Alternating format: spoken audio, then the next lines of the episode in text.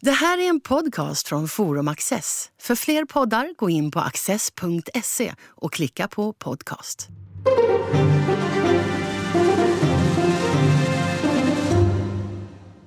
Välkomna till Studio Access. Särskilt varmt välkommen till Nathan Shachar som är utrikesreporter och med lång erfarenhet av Mellanöstern. Och man kan säga att den akuta anledningen till att vi sitter här det har att göra med den turkiska invasionen i Syrien. Men eh, det har hänt mycket under den här sommaren dessförinnan redan. Ja, det har varit mycket händelserikt. Dels för att det har exploderat och, och hänt saker handgripligen men det har också hänt det att en massa av våra vedertagna begrepp om Mellanöstern och hur, regionen fungerar och vad som kan hända och vad som inte kan hända, det har också tumlats om. Det stora exemplet är ju att Iran gav sig till att attackera Saudiarabiens oljeindustri. Det var ju något som vi hade alla tagit för givet att det skulle aldrig kunna ske. Och om det skedde, om någon var så järv att han, att han vågade så skulle han omedelbart få på skallen av, av USA och av västvärlden. Men USA hämnades inte? Nej, det var, det var ju den stora händelsen, så att säga. Att det inte hände något efter det. Och att eh, USAs president tvärtom fortsatte att på ett ganska undergivet sätt eh, böna Iranien om ett möte med deras president. Och då hade ju Iranien ännu en gång glädjen att kunna säga nej. Så att eh, det här äventyret som började i våras med att Trump ville förödmjuka Iran och så att säga, locka ut det till en, en offentlig konfrontation. Det, det, har slutat väldigt snöpligt för, för Trumps del. Och eh, de många eh, Mellanösternländer som har så att säga, sett sin framtid i sällskap med USA, de är nu ganska nervösa. Det är ju inte bara saudierna utan det är en massa smärre gulfstater och Jordanien och Israel. Egypten. Så USAs vänner i regionen får sig en verklig... Eh, det här är, det här är en skrämmande utveckling för deras del. Ja, för att nu måste man ju tänka om hela det strategiska upplägget. Och dels tog, man kan säga att lite det här har varit någon sorts en blandning mellan Pearl Harbor och, och München. Därför att dels chocken över äh, det här anfallet som var oerhört mycket mer sofistikerat än vad någon hade kunnat tänka sig. Vi vet ju, eller det vet vi inte, men vi kan gissa hur mycket hur stora resurser Israel och USA och andra lägger ner på att förstå Iran. Vad de gör och inte gör och kan och inte kan. Och nu kunde de någonting som var alldeles spektakulärt. Och jag tror inte ens att de där dyra amerikanska luftvärnssystemen kring eh, de här målen, oljeraffinaderierna, att de ens aktiverades. Så de har, inte bara att de har kryssningsrobotar, Iran har kryssningsrobotar som kan ta sig fram osedda, men de kan också ta sig förbi då, de här ganska dyra Patriot-systemen som USA har sålt till saudierna. Det innebär detta? Iran tonar fram som den dominerande makten i regionen? Kan man säga Ja, de, är, alltså, de har ju, de har ju eh, de har ju dåliga kort, men de har spelat sina dåliga kort på ett oerhört skickligt sätt. Istället då för att gå på defensiven och, och, och hissa vit flagg och säga okej okay vi, vi förhandlar om det här kärnvapenavtalet som, som Israel vill och som Trump vill och som Gulfaraberna vill så har de tvärtom fortsatt höjt insatsen. Och ja, vi vet ju då, det är väl en 5-10 fartyg som har attackerats eller tagits på släp in i iranska hamnar. Så att eh, de som har tänkt sig en konfrontation med Iran de förstår nu att, det, här, det, att den konfrontationen blev mycket mer ansträngande och, och blodigare än, än, vad de hade tänkt sig. Jag menar, vi ska inte fördjupa oss så mycket och försöka lista ut vad, hur, säga, hur, Donald Trump resonerade, vad som ligger till grund för den amerikanska politiken. Det är inte lätt att, det är inte lätt att veta han har ju redan från början signalerat att han, eh, att han vill, liksom vill ta hem pojkarna. Att han vill inte vara en imperiemakt, om man säger så. En traditionell amerikansk isolationism. Eh, är det det du tror man ser eller är det mer ren slumpmässighet? Och framförallt, vad, vad ser, hur ser, tänker man i regionen? Ser man en stor amerikansk reträtt nu eller är det återigen eh, oberäknelighet och nyckel? Alltså det finns ju amerikansk närvaro som är mycket kontroversiell och, och, och, och det kan man förstå i det som i Irak och i Afghanistan. Det här med att man skulle börja dra sig tillbaka från Syrien, det, ju, det svarar ju inte mot något utbrett eh, akut krav från amerikanska väljare. Därför att i Syrien, de få amerikanerna de har, inte, de har varken dött eller dödat. Utan de har bara varit där och fått väldig utdelning på sin lilla närvaro i, i, i det här getingboet där alla stormakter och småmakter också försöker ge sig in. Eh, det här är ju inget av det som har hänt är ju något som, om jag förstod rätt så, så informerades inte ens Pentagon och inte heller nationella säkerhets gänget om det här som Trump sa till Erdogan i telefon att nu kan ni gå in i Rojava som kurderna kallar sin hörna i nordöstra Syrien. Så att det här är ju inte riktigt resultatet av någon ny sorts strategi eller världsåskådning. Utan det är något mycket nyckfullt, svår, svårförutsägbart. Om vi går över till den här turkiska invasionen får man väl säga utav, utav eh, Syrien. Eh, den, den sker därför att den amerikanska reträtten gör det eh, mycket mindre komplicerat för turkarna. Men vad är det man vill uppnå? En, om, om, om turkarna fick önska sig det allra bästa tänkbara för deras del så är det att man dels att man slår en kil mitt i det här sammanhängande eh, kurdiska området från sydöstra Turkiet och så in nästan över hela norra Syrien. Därför att de här kurderna som är i, i Turkiet och de som är i Syrien, de står varandra mycket nära. Både vad gäller klanförbindelser och också vad det gäller politiska band. Så att det här, de här PYD, YPG kurderna i Syrien, de står mycket nära PKK som är den turkkurdiska gerillan. Eh, och i stundtals också terrororganisationen. Så att dels kunde man, skulle man kunna lägga beslag på en remsa där och förhindra för all framtid att det blir ett stort sammanhängande Kurdistan där. Men så vet man ju också att de har planer på att använda det här eh, erövrade området till att bosätta sina miljoner sunnimuslimska flyktingar som inte längre är särskilt populära i Turkiet. Därför Turkiet har jobbig ekonomi och, och de här syriska flyktingarna pressar ner lönerna på arbetsplatser. Men är, är det realistiskt överhuvudtaget? Alltså är det praktiskt genomförbart? Jag tänkte, jag har grubblat över det därför att eh, den så kallade världsopinionen den, den kan ju svälja en hel del visar det sig, men kan de svälja det här är ju nästan till då en etnisk rensning. Och det är ju absolut i strid med Genèvekonventionen.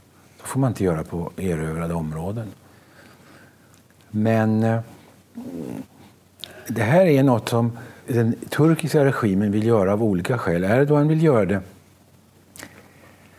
inte för att han hatar kurder som många turkiska nationalister gör. Erdogan vill, har förhandlat med PKK och, och, och, slutit fred med PKK 2015 fast det, sen, det, fick, det underkändes sen av den så kallade djupa staten och militärerna och ultranationalisterna.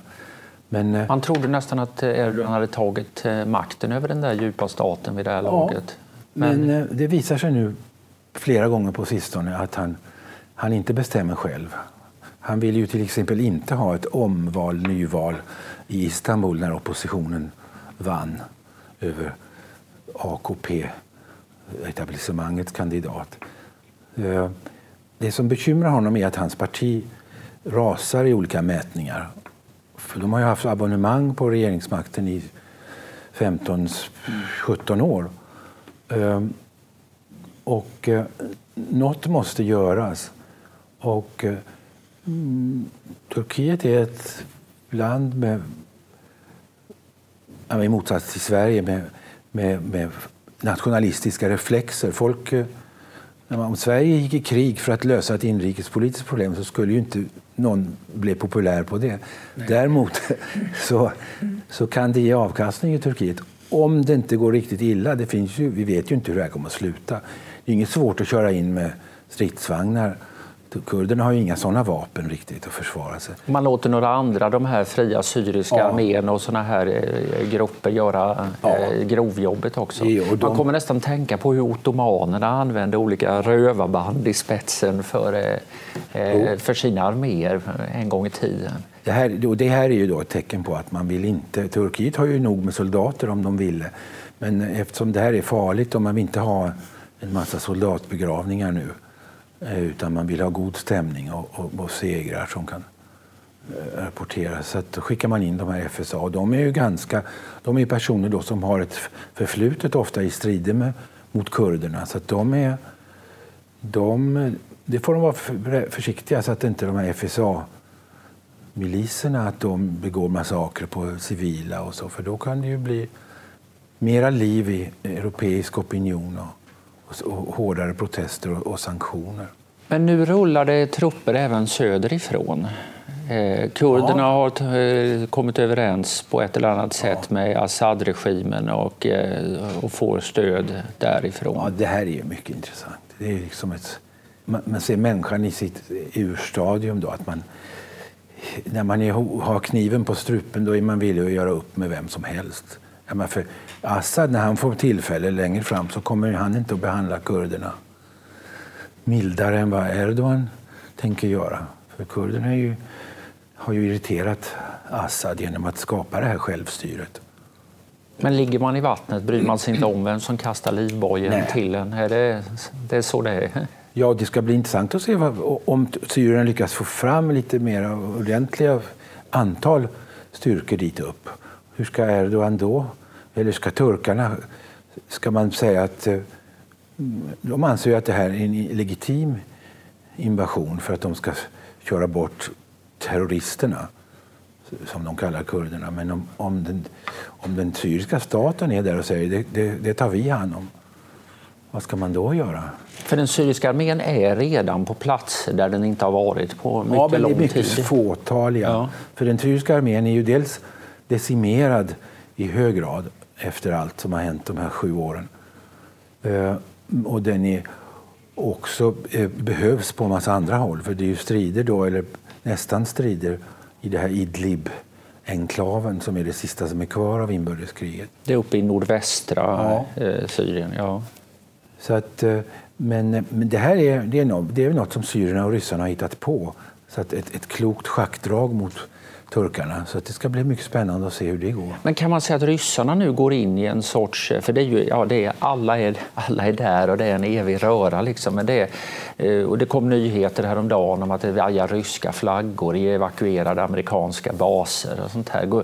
Är de de nya amerikanerna nu? De vars närvaro, alltså de som det inte ja. går att ge sig på. Och, eh, Dels att de ja. ingen, ingen självbevarelsedrift ger sig på ryssarna men också att ingen kan få någonting gjort där utan ryssarna, utan att ryssarna är med på det. Och eh, mm, turkarna, eh, om de skulle skjuta på de syriska styrkorna då blir det ju genast vänt läge med ryssarna. Turkarna är, har ju en gammal historisk fiendskap till ryssarna och misstror dem. Därför att Tsarryssland och sen också kommunisterna var ju hade ju stor aptit på turkiska områden. Och spåren har ja. alltid varit ja, eh, lockande. Så att, å ena sidan så är man rädd för Ryssland å andra sidan är man ju väldigt i behov av ryska eh, handeln med Ryssland. Uh, Och i synnerhet nu om, om, om den turkiska regimen ska distansera sig från USA och Nato, då har man inte mycket att välja på. Då kan man inte i onödan reta upp Putin. Varför är Ryssland i Syrien? Därför att Syrien var ett mycket bekvämt och billigt sätt att komma tillbaka till Mellanöstern. Det, menar, allt det som försvann och drogs tillbaka eh, efter Sovjetunionens fall. Och där finns dels reella tillgångar. Som, de har då en stor flottbas där deras medelhavsflotta kan eh, operera från, i Tartus. Och så alldeles intill eh, stora flygfält.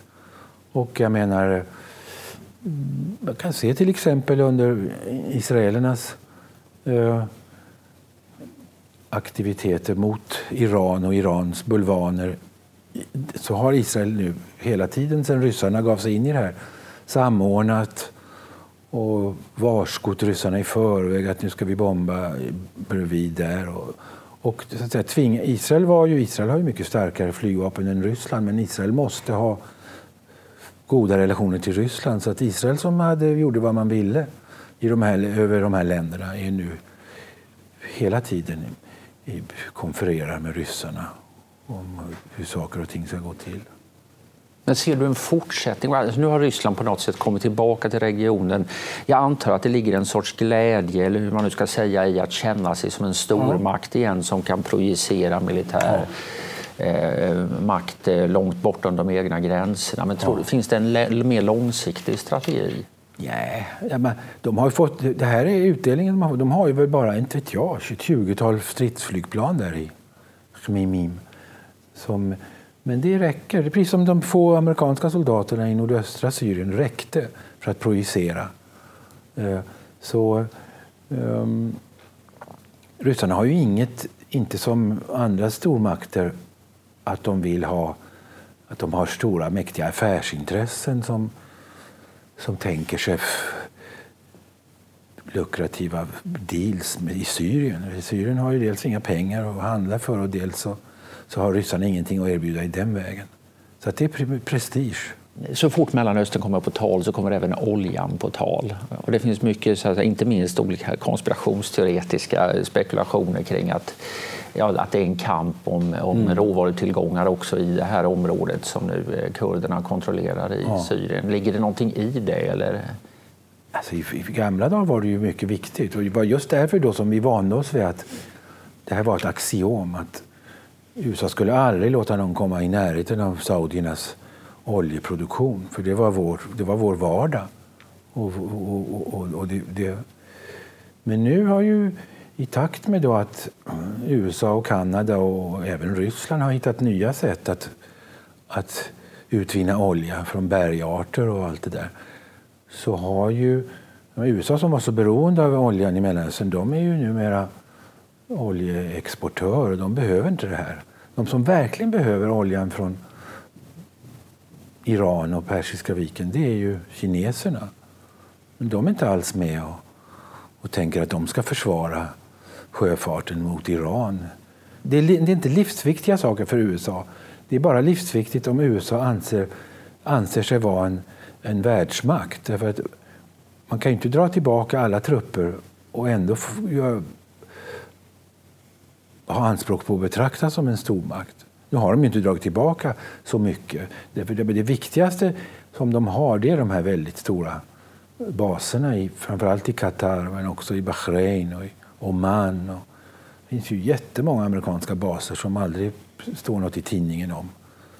Och som är, men som är mycket strategiskt viktiga. Att... är det inte också det här att det är en sak att ha stora resurser till sitt förfogande men det som verkligen liksom har effekt det är när man demonstrerar viljan att använda dem. Ja. Och att det har gett Putin och Ryssland inte minst en väldigt eh, förstärkt ställning både i Ukraina och sen i Syrien. Att ja. han har, eh, världsopinionen eh, rasar men de gör ingenting och, och han slår till. Med amerikanerna då till exempel, de, de retaljerade inte efter de här eh, bombningarna av oljefälten i Saudiarabien. Att det blir den som man förlorar ansiktet och tappar mm. i ställning medan den som verkligen är beredd att ta till våld. Det är liksom återigen, apropå det här människans primitiva... Ja, det är skolgårdens Jo, men det, det, är inte den största killen Nej. utan den som är beredd att verkligen sopa ja. till. Ja. ja. Och eh, det är därför som det här har varit, som jag tror, jag ska inte säga förödande, för det kan hända att USA får en ny ledning som har en mer nykter, eller vad vi ska kalla det för, analys av de här sakerna. Framför allt saudierna är, är skakade och det är inte att förvåna. De har ju nu sökt, eller i alla fall gått med på då de som har varit så störska i, i många år mot Iran och krävt att USA ska knyckla till Iran, de har ju nu börjat förhandla indirekt med iranierna via Iraks president, mm. premiärminister. Och det är ju också ett tecken på att, att saudierna... Det, det finns ju så, de som säger att uh, det är samma sak som kommer att hända i, i Stilla havsområdet. Om Japan, och Sydkorea och Australien mm. känner att när det verkligen kommer till kritan så kan vi inte ta för givet att USA är med oss. Och då blir ju en frestelse för sådana länder att närma sig Kina och hitta någon sorts modus vivendi. Så det, och det är många länder på jorden som får liksom ompröva sina gamla grundbegrepp. Det har varit krig länge nu i Syrien. Eh, ser du någon sorts jämvikt på väg att etableras? Alltså Syrien är förändrat. Dels för att så många människor har flytt och de är nästan alla sunnimuslimer. Och de får inte komma tillbaka för där sitter kanske redan importerade shia-muslimer från Afghanistan och Irak och andra platser. Så det blir inte samma Syrien. Men man kan säga så att som det ser ut nu så är inbördeskriget avgjort och regimen segrade till slut. Naturligtvis då till med det stora obehaget att man har en massa främlingar parkerade inne i landet. Då. Ryssland, Iran, USA, Turkiet som man in, naturligtvis inte har bett om. Vi får se vad som händer med uh, den här konfrontationen som också pågår mellan Israel och Iran.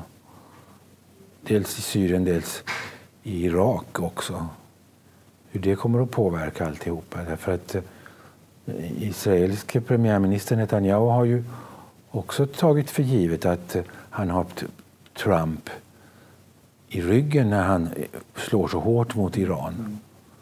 Och Netanyahu blev skärrad av det här med, med Irans teknologiska kapacitet som, som han inte riktigt hade haft, trots att han har goda källor inte hade, hade förstått. Du nämner det här med att det är sunnimuslimer som har flytt från Syrien. Och, och eh, är den här turkiska invasionen nu och planerna på någon sorts massomflyttning av människor, ska man se det utöver att det är att bygga en sorts buffert och bli, någon mening, bli av med flyktingarna ur Turkiet, är det också en del i den här sunni-shia maktkampen? Alltså den, tur den turkiska politiska delen av den turkiska regimen, alltså Erdogan och hans parti, de är ju ideologiskt tillhör det muslimska brödraskapet och som är en sunnimuslimsk mm. i stort sett fenomen och har stött eh, under inbördeskriget de miliser som stod nära brödraskapet. Eh, och Erdogan som då är en ortodox sunnimuslim har ju avskytt av olika skäl eh, Assad-regimen. Som, eh, Erdogan har ju svårt att fördra vanliga shiiter så jag kan tänka mig hur han ser på alawiterna som, inte ens, som vissa inte ens anser att de är några riktiga muslimer. Som och Alawi, Assad till exempel är alawit. Ja, ja, och det är ju någon, ja. en, en, en, religiös minoritet som är teologiskt sett en mutation av en mutation på shia-muslimska trädet. Mm. Och det finns då olika i den där floran av druser och alawiter och ismailiter och många sådana minoriteter. Och alla minoriteterna i Syrien var ju på regimens sida. Regimen var en koalition av minoriteter. Så att upproret fick då i stort sett en sunnimuslimsk prägel. Den stora majoritet som hade blivit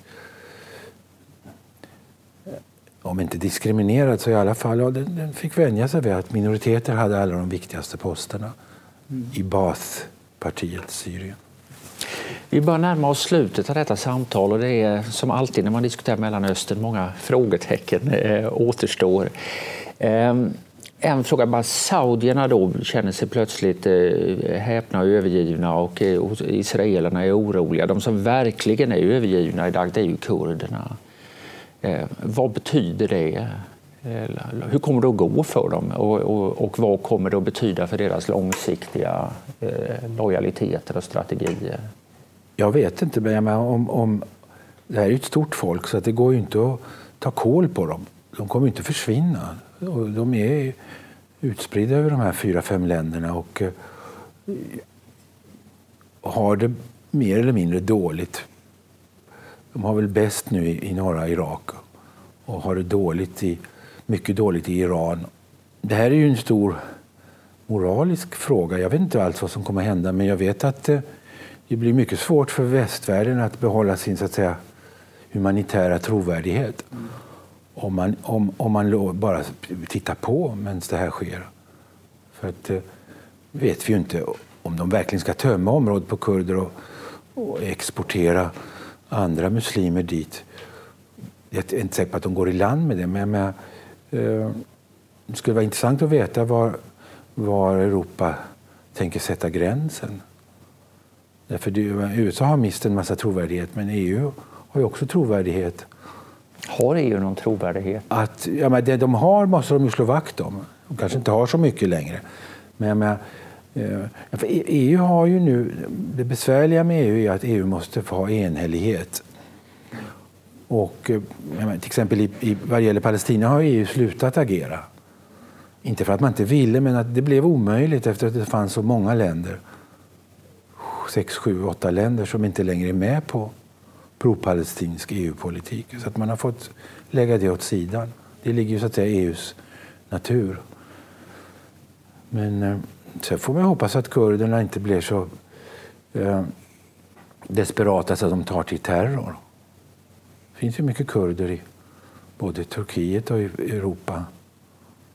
Det behövs, även om nästan alla är fredliga så behövs det ju bara det har ju hänt förut, särskilt i Turkiet. Men eh, att gissa vad som kommer att hända, det vågar jag mig inte på. Ja, det kanske är klokast att sluta just där. Nathan Shahar, tack så hemskt mycket för att du var med oss. Tackar.